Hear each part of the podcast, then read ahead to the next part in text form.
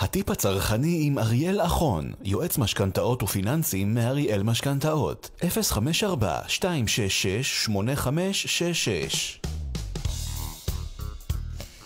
שלום, הגענו לטיפ הצרכני, ואתם יודעים מה? היום בלי יותר מדי הקדמות, בואו נגיד אה, ערב טוב לאריאל אחון, יועץ משכנתאות ופיננסים מאריאל משכנתאות, ערב טוב. היי, ערב טוב, רות, מה נשמע? אני בסדר גמור, האמת היא שאני ככה לאט לאט מתחילה להבין במשכנתאות, ואתה יודע, אולי, אולי פתאום אני אקח עוד איזה משכנתה. בסוף עוד אה, תצליח לשכנע אותי לקחת משכנתה ולקנות בית. אה, הלוואי. כן, אה? לא, זה תמיד כזה היה נראה אמ, באמת עסק כזה מסובך ומפחיד ומבהיל, ואמרתי לך כבר שאני את המשכנתה הראשונה שלי פשוט באתי, אה, איפה אני צריכה לחתום? חתמתי, וזהו. ושם זה נגמר. אבל זה היה לפני הרבה מאוד שנים, ומאז כבר החזרתי אותה, ומכרתי את הבית, והכל טוב. אה, בכל אופן, אנחנו בפינה הקבועה שלנו, ואנחנו כבר, אה, בעצם הסברת לנו על מה אנחנו צריכים להסתכל, על מה, על מה הבנק בעצם מסתכל לפני שהוא מחליט אם לתת לנו משכנתה או לא. אז היום אנחנו בעצם מגיעים לעניין התהליך עצמו. זאת אומרת, מה, מה צריך לעשות? כמה זמן לפני שאנחנו צריכים את הכסף, כדאי בעצם להתחיל בתהליך. שאלת מיליון הדולר. אמ, לגמרי שאלת מיליון הדולר, ואני רוצה שנדבר על משהו שגם שוחחנו עליו בשבוע שעבר, אני אחזור על זה בקצרה, על הנושא של הטיימינג. אוקיי. Okay. בסופו של דבר. Uh, הטיימינג, התזמון שבו אנחנו מתחילים במהלך של להבין שאנחנו צריכים גם משכנתה, בסופו של דבר, יכול לקבוע את uh, גורל העסקה שלי, לטוב ולרע. אה, וגם באמצע כמובן. מה זאת אומרת? הטיימינג הוא כזה של... אה, הוא מדבר על האם אנחנו כרגע עובדים, האם יש ברשותנו הון עצמי מספק, האם אנחנו מודעים להשלכות של סכום המשכנתה שאנחנו רוצים לקחת, האם צפויים איזה שהם שינויים לטובה או לרעה אה, בתקופה הנראית לעין בחיים שלנו, וכיוצא בזאת, אוקיי? אוקיי. זה אחד. הדבר השני שקשור פה למעשה לטיימינג, אומר שאנחנו רוצים להיות במצב שהמשכנתה, למעשה, התהליך של המשכנתה מלווה אותנו אה, במהלך, בתהליך הזה של, של חיפוש הנכס, ואנחנו לא הולכים ישר עם הראש בקיר, מחפשים את הנכס, אפילו חלילה כבר ממש רוצים אה, לחתום על הסכם רכישה, ואולי אפילו עשינו את הטעות הזאת, ורק אז אנחנו נזכרים שאנחנו רוצים לקבל משכנתה. ויש המון מקרים כאלה של אנשים שכבר חתמו על חוזים, התפטרו, לא, אמרו, אוקיי, משכנתה זה דבר פשוט, אנחנו עובדים, אנחנו מרוויחים בסדר, ולא הבינו את כל החוקיות שמסביב, את כל הרגולציה, את כל הדברים שהבנק אה, בודק לפני, ובסופו של דבר מצאו את עצמם בנקודה שבה אה, לא יכלו לקבל משכנתה, או לא יכלו לקבל את אה, סך המשכנתה שהם חשבו שהם צריכים לטובת העסקה. Mm-hmm. ולכן אני חוזר באמת לנקודת ההתחלה, שאנחנו קודם כל רוצים להיות בטיימינג הנכון, אנחנו רוצים לתכנן את העסקה שבה לפני שאנחנו מתחילים אפילו את מסע החיפוש בצורה קדחתנית עבור אותו נכס, לפני שאנחנו כמובן מתחייבים לרכישה של איזשהו נכס, אנחנו קודם כל רוצים להיות עם uh, מסמך שהוא, שהוא נשמע נורא פשוט, אבל הוא טומן בחובו מאחורי הקלעים המון המון המון עוצמה. זה נקרא אישור עקרוני. מה זאת אומרת? האישור העקרוני הזה למעשה זה איזשהו מסמך ראשוני שהבנק מנפיק לי, אבל, אבל מה הוא אומר בעצם? הוא אומר שאני הגשתי תיק מלא לבנק. רגע, את זה אתה עושה אבל ממש כשאתה רק חושב אפילו? זאת אומרת, אין לך עוד כלום ביד, אתה רק החלטת שאתה רוצה לרכוש נכס, ואז אתה עושה את זה? לחלוטין. אוקיי. Okay. קודם כל, תמיד המלצה, המלצה הכי חשובה שאני יכול לתת אה, ללקוח, לכל בן אדם שחושב לקחת משכנתה, יהיו פה שתי המלצות. אחת קשורה לעורך דין, תכף נגיע אליה, והשנייה, היא קשורה לזה, לעצם העובדה שאני רוצה את הפתק הזה אצלי בכיס. אני רוצה שיהיה לי אישור עקרוני לסכום. לצורך העניין, בואו ניקח את אותה דוגמה שאנחנו רצים איתה, נניח ואנחנו רוצים לקנות נכס במיליון שקלים. אנחנו זוכרים שאנחנו צריכים מינימום של הון עצמי של 250 אלף שקלים, אני כמובן מדגיש כן. שמדובר במצב שהוא לא מחיר למשתכן, דברים אחרים, במצב הרגיל, הבסיסי ביותר. לכן, בסיטואציה הספציפית הזאת, אני רוצה קודם כל שיהיה לי אישור עקרוני מהבנק לפחות ב-750 אלף שקלים, משכנתה. כלומר, אם אין לי את האישור הזה, אם מאיזושהי סיבה זה לא מסתייע, או יש איזושהי בעיה, אני חושב שהטעות החמורה ביותר שיכול לעשות כל רוכש פוטנציאלי של נכס, היא, היא ללכת ולהתחייב על חוזה, שמחר בבוקר, אם תהיה איזושהי בעיה, הוא יכול להכניס אותו לסיטואציה מאוד מורכבת של הפרה. ואז מה קורה כשמפירים חוזה חלילה? משלמים. צריכים גם לוותר על חלק מההון כן. העצמי, כי אנחנו מפירים חוזה, זה אחוזים נוראים. רגע, אבל- לפעמים מאבדים המון כסף. אריאל, יש לי רגע שאלה, נראה לי, או שלא הבנתי, או שיכול להיות שלא הבנתי. אני, אני אומרת ככה, אמ, ההגשת בקשה הזאת היא אך ורק אחרי שיש לי משהו שאני יודעת שאני עומדת לקנות, שאני רוצה יותר נכון לקנות, או שלשם ביטחון שיהיה לי את זה בכיס. לשם הביטחון. זאת אומרת, בת- אוקיי. כשאנחנו עובדים בתנאי מעבדה, ביום שבו החלטנו שאנחנו רוצים לרכוש נכס, אז אנחנו עורכים למעשה תכנון של כל העסקה, מצד אחד, ואנחנו מבינים את גבולות הגזרה, את אחוז המימון, את ההון העצמי שיש ברשותי, את יחס ההחזר, את כל המונחים האלה שגם דיברנו עליהם בשבוע כן. שעבר, ומהנקודה הזאת אני עכשיו ניגש לבנק, למספר בנקים, ואני מבקש קודם כל לקבל אישור עקרוני לסכום. אני לא אומר לבנק איפה הנכס, אני לא מצביע על נכס ספציפי בשכונה א' או, בבניין ב', אלא אני רוצה לדעת שבתיאוריה, מחר בבוקר, אם אני מוצא נכס שמוצא חן בעיניי, ואני שואף להיכנס למשא ומתן אמיתי, אינטנסיבי, עבור רכישת הנכס, אני, אני רוצה להיות 100% בביטחון שיש ברשותי את אותו אישור עקרוני, שהוא חתום, שהוא, שהוא יצא על ידי הבנק בצורה רשמית, ולכן הבנק אומר לי בעצם, אריאל, בדקתי אותך, מבחינה פיננסית, אני מוכן לאשר לך הלוואה של עד, לצורך העניין, 750 אלף שקלים, עכשיו לך לדרכך, לך תמצא את הנכס הזה. ואז מה שקורה, ש, שביום שבו אני מוצא את הנכס, אני לא עכשיו מתחיל לחשוב על המשכנתה, ואני לא מתפתה לעשות איזשהו מהלך, איזושהי טעות.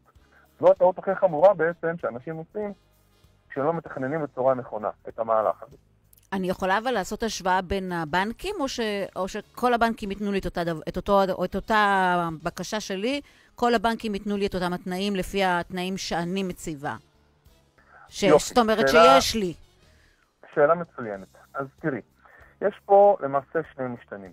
אני אסביר איך אני עובד. בשלב הראשון, אני עוד לא סגור על כל הפרטים, אני לא יודע ברוב המקרים מה יהיה מחיר הרכישה הסופי. ובהרבה מאוד מקרים אני גם לא יודע בדיוק מה יהיה ההון העצמי הסופי שלי.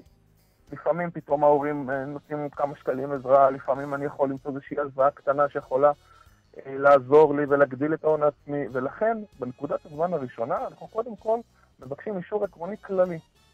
פחות חשוב לי בנקודה הזו באיזה תנאים זה יהיה, יותר חשוב לי לדעת שכרגע הסכום שאני רוצה, אה, שאני חושב שאני הולך לקחת עבורו משכנתה, הסכום המקסימלי, דהיינו, במקרה שלנו עד 75% שווי הנכס, מאושר לי, אוקיי? אוקיי. למה?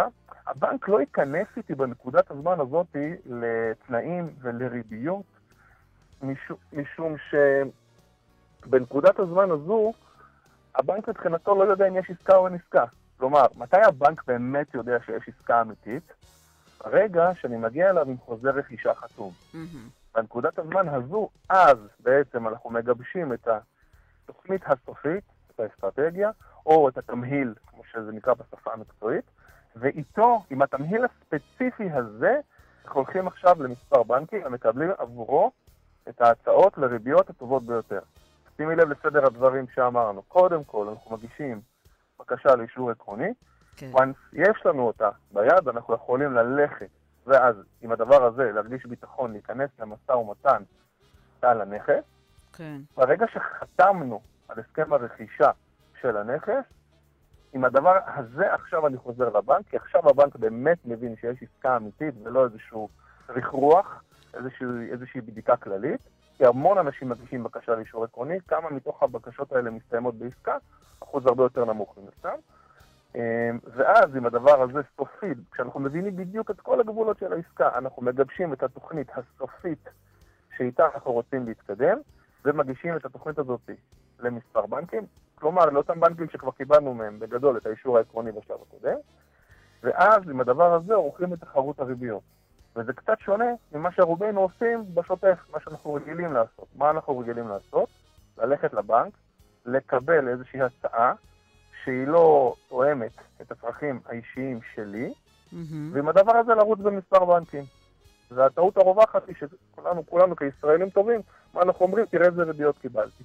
אבל הריביות, חשוב שנבין, הן תוצר לוואי של הרכב ההלוואה, של התוכנית, של התמהיל, של האסטרטגיה, ולא להפך. אנחנו נחכה שהבנק ייתן לנו הצעה, גם ייראה ככה. כן. אוקיי?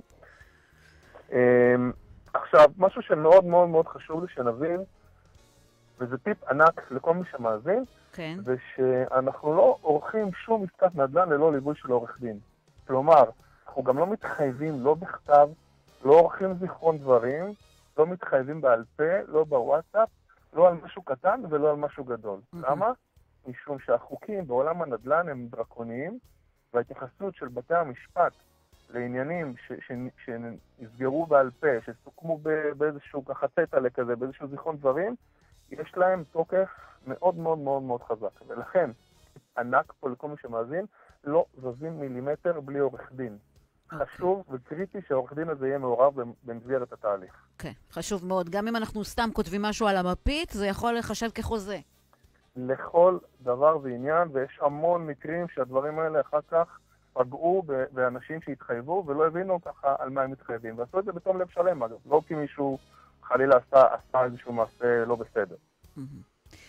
אוקיי? אה, אז עכשיו במסגרת התהליך, אחרי שהגשנו לבנק את, ה, את הרכב ההלוואה וקיבלנו את הריביות, אנחנו הגענו לסוף מכרז הריביות, תחרות הריביות, קיבלנו את הריביות הטובות ביותר אנחנו יכולים לקבל עבור, עבור ההצעה שביקשנו לקבל עליה את הריביות, עבור אותו תמהיל. כן. בנקודה הזו אנו בוחרים את הבנק שאיתו אנחנו רוצים להתקדם. ואני כבר אומר משהו מאוד חשוב, שאין סנטימנטים לבנק, לא לבנק ש... זה לא חייב להיות הבנק, בדיוק, זה לא חייב להיות הבנק. שנמצא שם החשבון שלך. זה לא קריטי. כלומר, יש לזה משקל כלשהו, שאני אני כמובן ארצה להגיש גם בבנק שיש לי בו חשבון, כן. אבל ברוב המקרים אין לזה משקל קריטי. כלומר, בסופו של דבר, למה יש משקל קריטי? לבנק שייתן את ההצעה הטובה ביותר. לעיתים זה הבנק שלי, כי הוא, הוא מוכן להילחם על היותר, ולעיתים יכול להיות שזה בנק שבחיים לא, לא שמעתי או לא, לא נכנסתי בדלתותיו, וזה בסדר. כלומר, אין שום בעיה. בסופו של דבר אנחנו נאמנים לתקציב שלנו ולכסף שלנו. ומי שייתן את ההצעה הטובה ביותר, איתו אנחנו נרצה להתקדם. השלב הבא, אחרי שבחרנו את הבנק, אנחנו בנקודה הזו נקבל אה, הפניה לביצוע שמאות מטעם הבנק. מה זה אותה שמאות? שמאות זה למעשה הזרוע הביצועית של הבנק, השמאי מגיע ובוחן את הנכס, גם אם זה נכס אגב שהוא על הנייר, כלומר שהוא עוד כן. אפילו לא התחיל להיבנות. השמאים יודעים לבצע את עבודתם, והשמאים מעריכים את שווי הנכס בהתייחס כמובן אה, למחיר הרכישה שסוכם, ובהתייחס לכל הנתונים המשפטיים וה- והמבניים של, של הנכס. אוקיי. אוקיי?